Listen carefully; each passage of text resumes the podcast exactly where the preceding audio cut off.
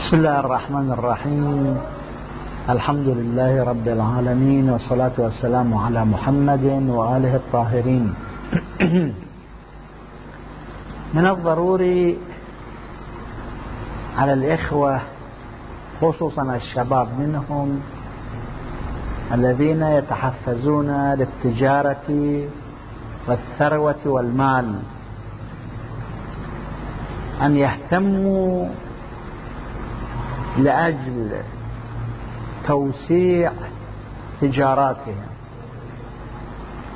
حديث عن الإمام الصادق عليه الصلاة والسلام يقول تسعة أعشار الرزق في التجارة.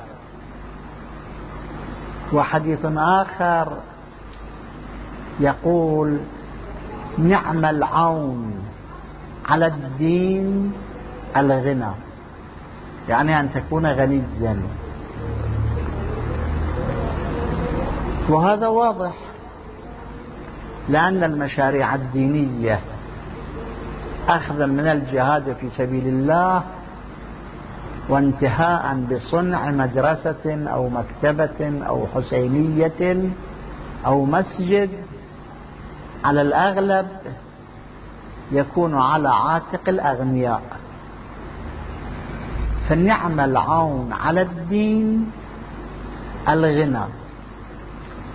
وحتى في حديث عن الإمام الرضا عليه الصلاة والسلام يقول في فلسفة جعل الخمس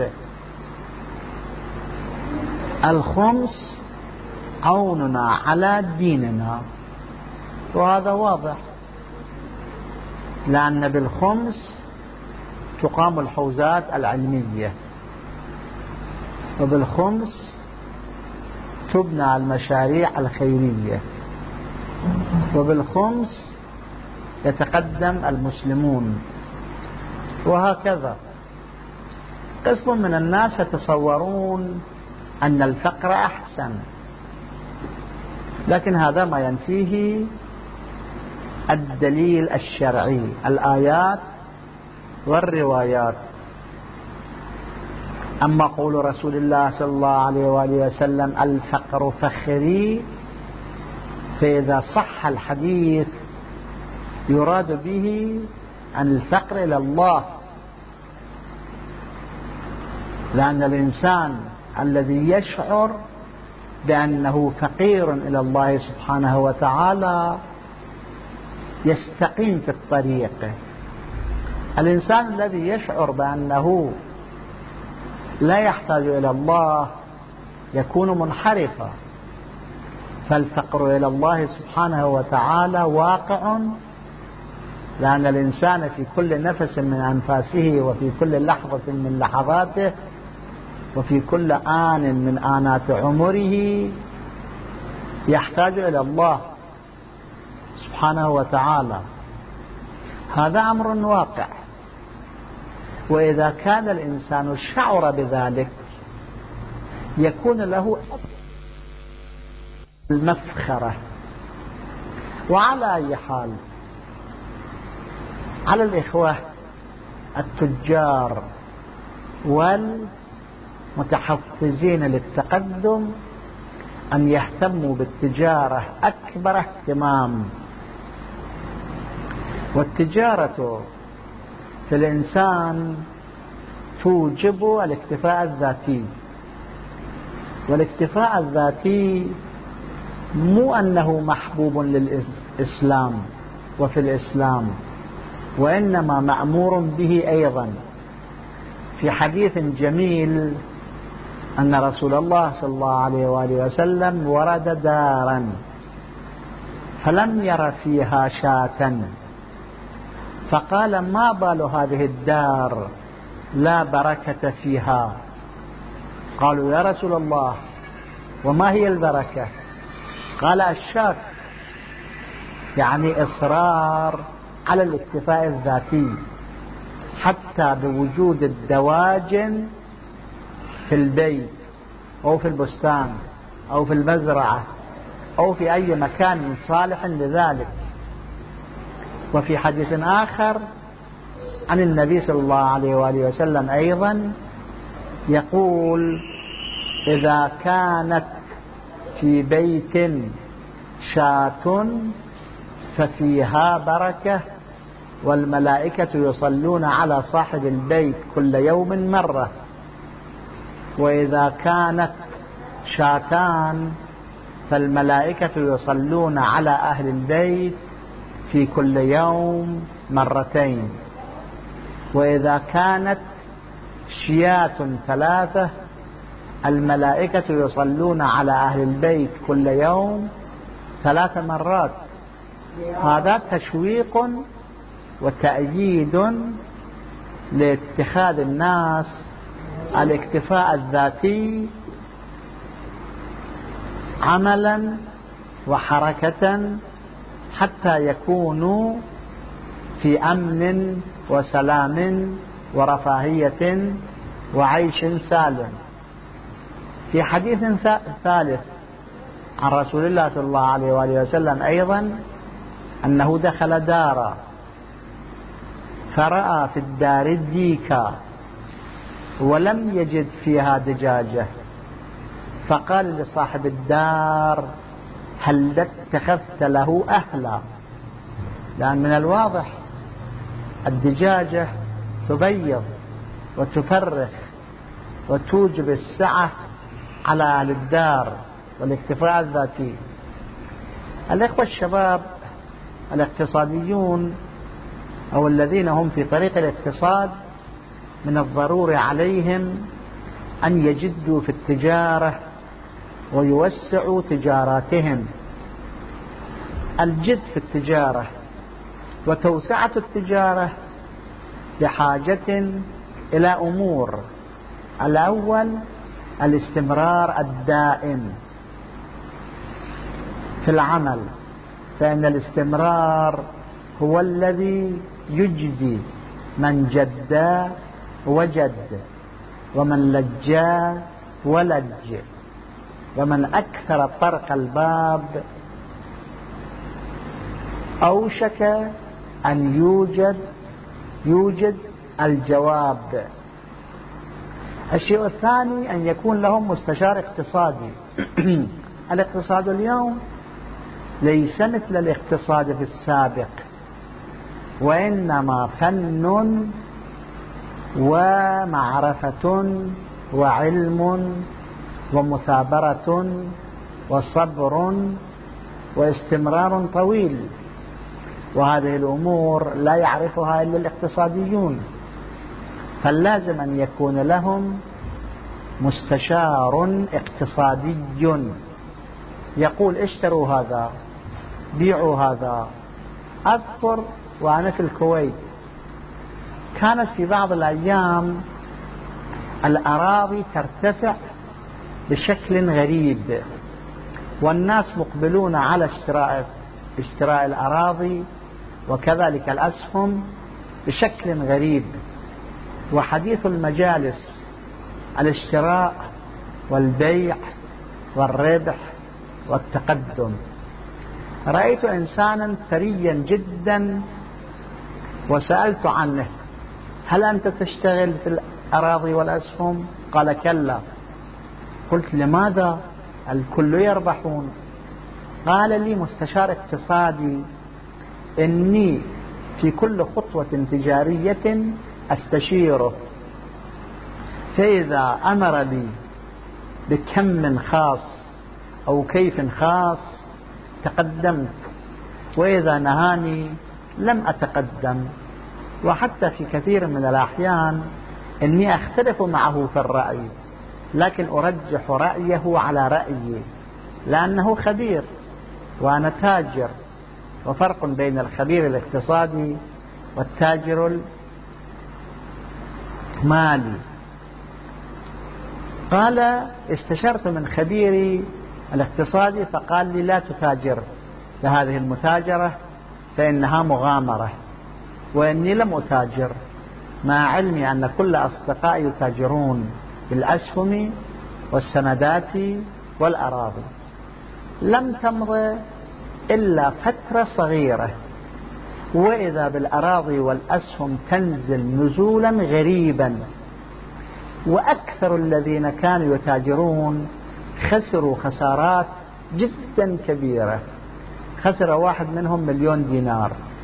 خسر واحد منهم خمسة ملايين. بعضهم أقفل تجارته إطلاقا وأعلن الإفلاس. وهذا الرجل صديقنا قال أليس قال لي الاقتصادي لا تتاجر فإنه مغامرة؟ وعلى أي؟ فمن الضروري الاهتمام لأن يكون الاقتصادي يعني العالم بالاقتصاد رجل الاقتصاد دكتور في الاقتصاد خبير في الاقتصاد معينا لهم في تجارتهم أخذا وعطاء وإقداما وإحجاما.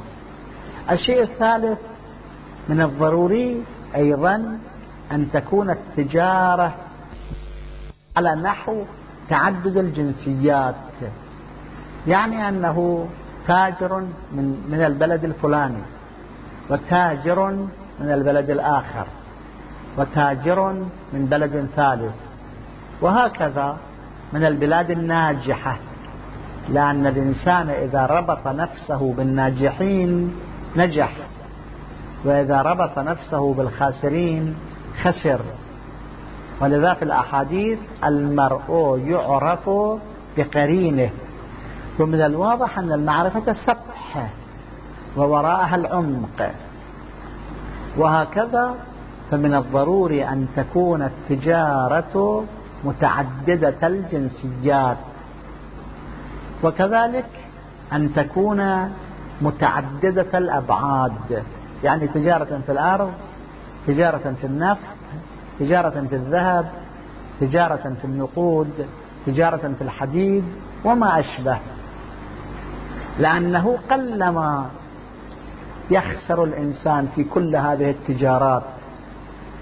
الشيء الرابع أن يكون الإنسان عاقلا ومتزنا في الدخول في التجارة. سأل أحد التجار الذين تكسروا عن تاجر ناجح لماذا نحن نتكسر وأنتم لا تتكسرون؟ قال لأنكم إذا أردتم التجارة جعلتم كل أموالكم وتقترضون مثلها أو ضعفها وتجعلون الجميع في التجارة.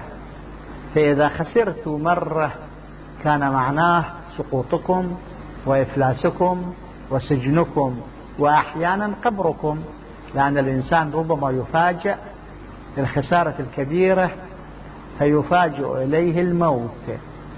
قال أما نحن فإننا إذا كان لنا مليون دينار نتاجر بنصفه.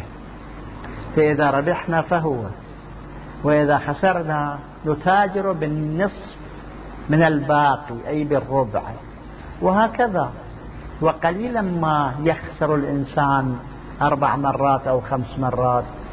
ولذا دائما نحن ناجحون ودائما أنتم فاشلون.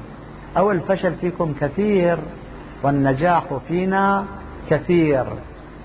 وعلى كل حال إني أوصي الإخوة الشباب خصوصا ولو كان هذه الوصية للكبار أيضا أن يتاجروا ويقدموا على التجارة بهذه الشروط حتى ينفعوا أنفسهم ويوسعوا على عوائلهم ويوسعوا على ذويهم ويأخذوا بيد المحتاجين والمضطرين والمشاريع حتى تكون إلى الأمام. لكن يشترط في التجارة أن يجعل الإنسان بالإضافة إلى خمسه أقل تقدير خمسا آخر لأجل الأمور الخيرية والمشاريع الاضطرارية وما أشبه. هذا الإنسان ينجح نجاحا باهرا لأن الله سبحانه وتعالى يقول في القرآن الحكيم يمحق الله الربا ويربي الصدقات. طبيعة الربا المحق كما أن المحق أيضا طبيعة التجارات الضارة كتجارة الهيروين أو الخمور أو ما أشبه ذلك. طبيعة الصدقات والصدقة مأخوذة من الصدق. يعني أن الإنسان الذي يتصدق يصدق بالله وباليوم الآخر وبوعوده.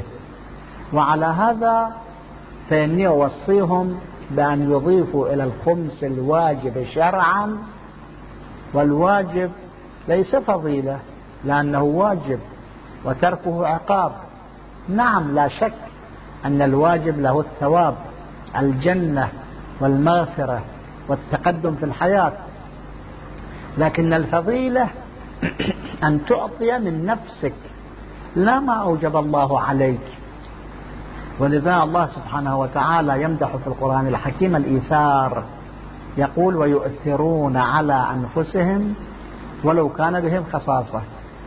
فيجعل خمسا ثانيا لأجل تقديم الحياة إلى الأمام. ولأجل الانتشال للمشاريع ولأجل الثقافة ولأجل تقديم الشباب الذين يريدون الدراسة ولا يتمكنون من المال أن يقدموهم إلى الأمام في طبهم أو هندستهم أو محاماتهم أو ما أشبه ذلك من الدروس التي هي مقوم للحياة في هذا اليوم. إذا فعلوا مثل ذلك نجحوا دنيا ونجحوا آخرة وأنجحوا. ولا يكونوا كالذين إذا أعطاهم الله سبحانه وتعالى أمسكوا أيديهم فلم ينفقوا حتى الواجب. بل انفقوا الواجب والمستحب والذي يسبب تقديم المسلمين إلى الأمام ويأخذ بأيديهم. كان لنا صديق من أحد العلماء حفظه الله والآن هو موجود. هذا الصديق اسمه الشيخ القائمي هذا الصديق له صديق.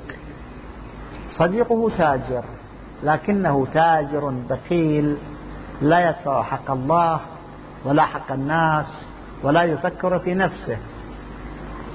كانت له زوجة فطلقها بخلا وكان له ولد فطرده بخلا والولد ذهب وأخذ يكتسب كسبا ضعيفا. صديقنا الشيخ القائمي حفظه الله ينقل هذه القصة. يقول أخبرت بأن صديقي التاجر مريض في المستشفى في البلد الفلاني ولا أريد أن أسمي البلد. لأنه أحيانا تسمية البلد يكون إهانة لأهل ذلك البلد.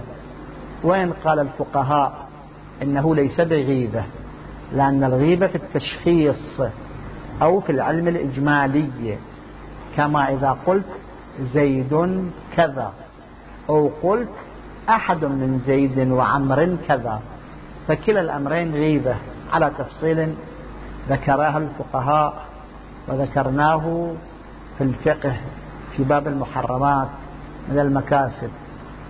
قال ذهبت إلى المستشفى لرؤية صديق التاجر البخيل المريض فرأيته ضعيفا جدا والمرض أخذ منه مأخذة فلما رآني أخذ يبكي وقال لي شيخنا ترى حالي إني مقبل على الله سبحانه وتعالى ولم أؤد خمسا ولا زكاة ولا مجهول المالك ولا رد مظالم.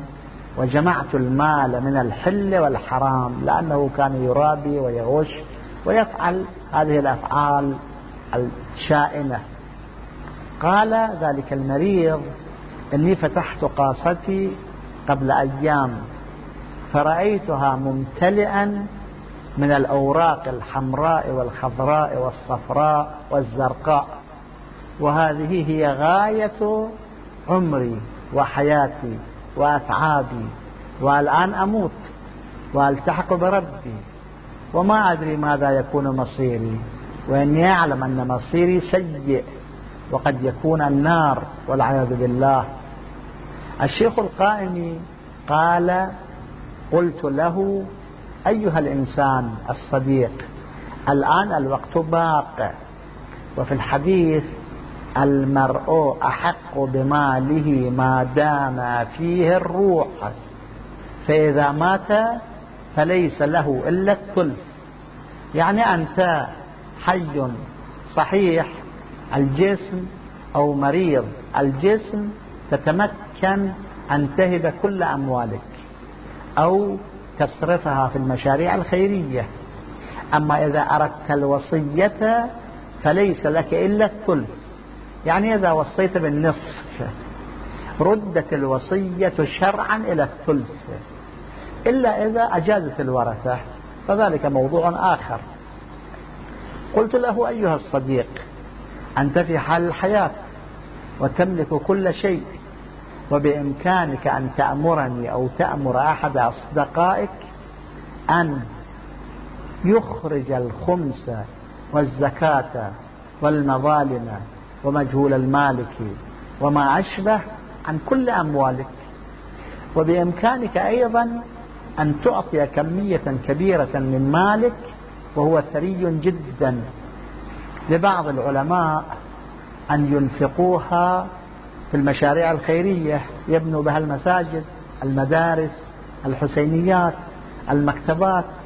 يسعفوا الفقراء يبنون لهم الدور يعطونهم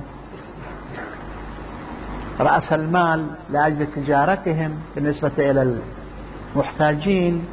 يعطونهم مالا لأجل الزواج بالنسبة إلى العزاب. والآن ما دام لم يخرج الأمر من يدك افعل. الشيخ القاني حفظه الله قال المريض أخذ يبكي. وقال له يا شيخنا إني في أيام صحتي ما كنت أتمكن من مصارعة الشيطان. الشيطان قوي والإنسان ضعيف والشيطان صرعا. والآن أنا في أيام مرضي وضعفي. فهل أتمكن من مصارعة الشيطان؟ في قوتي لم أتمكن من مصارعته. وهل في ضعفي أتمكن من مصارعته؟ لا دع الأمر هكذا حتى يحكم الله. قال الشيخ القائم حفظه الله إني نصحته بالغة لكنه أشربوا في قلوبهم العجل كما يقول الله سبحانه وتعالى بالنسبة إلى اليهود. قسم من الناس يشربون في قلوبهم حب المال وهو مريض وهو مقدم على الموت وهو يعلم لكن لا يريد أن ينفق حتى دينارا واحدا وهو يعلم أنه قادم على نار كما يقول الله سبحانه وتعالى في القرآن الحكيم الذين يكنزون الذهب والفضة ولا ينفقونها في سبيل الله فبشرهم بعذاب أليم. يوم يحمى عليها في نار جهنم فتكوى بها جباههم وجنوبهم وظهورهم. هذا ما كنستم لأنفسكم فذوقوا ما كنتم تكنزون. قال المفسرون إنما قال الله سبحانه وتعالى جباههم وجنوبهم وظهورهم لأنه إذا ذهب إنسان ناصح إلى الثري البخيل الذي كنز الذهب والفضة عقد جبهته ثم لوى جبينه عفوا ثم لوى جنبه ثم أدار ظهره وذهب.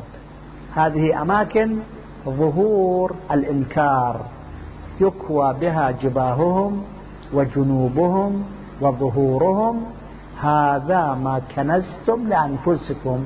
يعني هذه نتيجة الكنز. فذوقوا ما كنتم تكنزون. وعلى أي حال قال الشيخ القائمي حفظه الله خرجت من عنده وإني آسف عليه. وبعد أيام قلائل سمعت بموته. فذهبت إلى تشييعه وترحمت عليه واستغفرت له. والله أرحم الراحمين وهو يعلم ماذا يفعل به.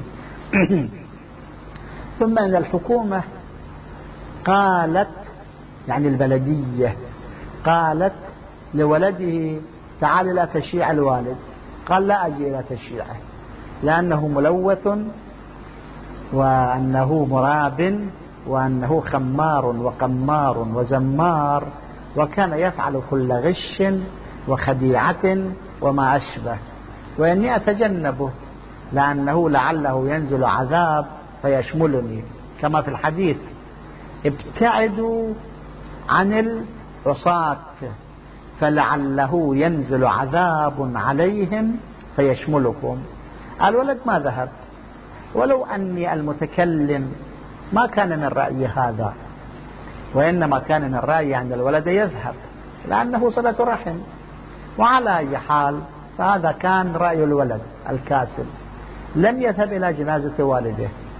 ثم قالت البلدية له خذ الأموال لأنك ولده ولده الوحيد. قال لا حاجة لي بهذه الأموال التي هي نار وشنار وعار. فالبلدية أخذت كل الأموال وجعلتها في كيس الدولة وفي كيس البلدية. وتلك الدولة كانت دولة فاسدة أيضا. قطعا تصرف هذه الأموال في المحرمات أيضا أو كثير منها. وأيضا هذا ليس من رأيي. كان من رأيي أنه يؤخذ تلك الأموال بسبب الولد والولد يخمس ويزكي ويعطي رد مظالم ويبني المشاريع الخيرية وهذا كان أفضل. وعلى كل حال فالولد كان رأيه ذلك. ومن المعروف يقولون أن الرأي حر لكن الرأي حر في غير معصية الله سبحانه وتعالى. الأصدقاء التجار يجب أن لا ينسوا هذه القصة. هذه قصة تتكرر كل يوم في كثير من البلدان. لا يجمع المال من حله وحرامه. أولا يجمع المال من حله فقط يصرف يصرفونه في حله فقط ثم يؤدون حق الله وهو الخمس أو الزكاة ثم يؤدون أيضا إلى جنب ذلك خمسا آخر في سبيل تقديم الأمة إلى الأمام. فإذا فعلوا ذلك فقد فازوا بالحياة العاجلة والحياة الآجلة.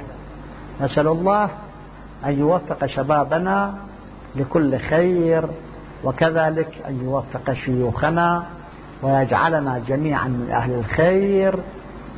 كما قال الإمام الصادق عليه الصلاة والسلام قال الخير إذا كان إنسانا رؤي إنسانا جميلا من أجمل الناس. والشر إذا كان إنسانا من تتمة كلام الإمام الصادق. عليه الصلاة والسلام. والشر إذا كان إنسانا لرؤي إنسانا قبيحا من أقبح الناس فليتقدموا للتجارة ولعمل الخير بهذه الشروط التي ذكرناها وهي شروط شرعية وشروط عقلية وشروط عرفية. نسأل الله التوفيق لما يحب ويرضى. السلام عليكم ورحمة الله وبركاته.